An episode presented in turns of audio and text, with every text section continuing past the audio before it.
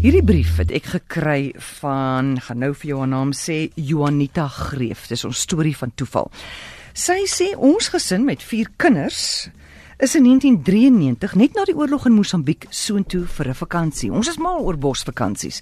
Die plek waarheen ons gaan is 600 km noord van Maputo en die kampplek met geen fasiliteite 50 km van die naaste dorpie wat 1 en 'n half uur se ry in goeie omstandighede beteken. Daar gekom het ons bevriend geraak met Frans. Hy het ons touwys gemaak wat mag en wat mag nie en met my skamele kennis van Zulu. Hy was op 'n stadium in Suid-Afrika en sy kennis daarvan het ons baie goed oor die weg gekom. Ons het besluit ons wil nie net vakansie hou nie, ons wil 'n verskil maak. Baie van die kinders het nog nooit wit mense daar gesien nie en hulle het nie meer Bybels gehad nie. Frans het 'n Bybel gekry en daar begin 'n verhouding met die man wat toe meer vir meer, skus tog wat toe vir meer as 3 weke ons groot vriend was. Daar was na die tyd kontak met hom, maar dit het uh, gou doodgeloop. Maar in 2002 is ons weer Mosambiek toe. Ek wou graag die sonsverduistering daar ver noord beleef en ek het gedink dit sal daar beter sigbaar wees.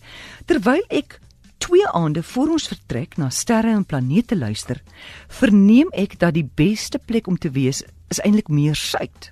Ons ry toe tot by 'n Bybelskool net dit skant klei klei en oornag daar waar ons die wonderlike gebeurtenis kon aanskou. Die hoenders wat vroegdag terugkom nes toe, sies tog hulle is verward deur die ontydige skemerte ongeveer 10 uur toe nou.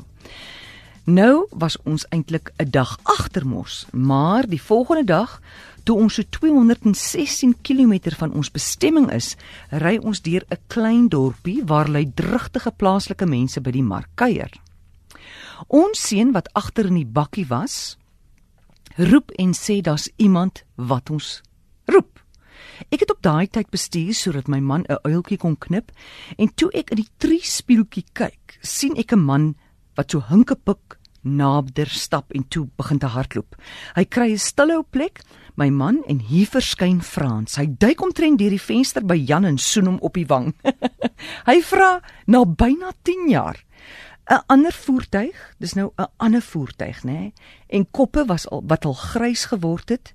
Hy vra na elkeen van ons kinders by die naam. Hy sê hy het die Here gevra om weer kontak met ons te maak. Toe sê God vir hom, hy moet op daai dag daar wag. Onthou, hy bly 50 km binnelands toe. En daar tussen al die honderde voertuie wat daar verbyry, eien hy ons in die ry. As ons gery het soos ons beplan het, was ons die vorige dag al daar verby. Ongelooflik, né? Dankie Juanita vir die brief.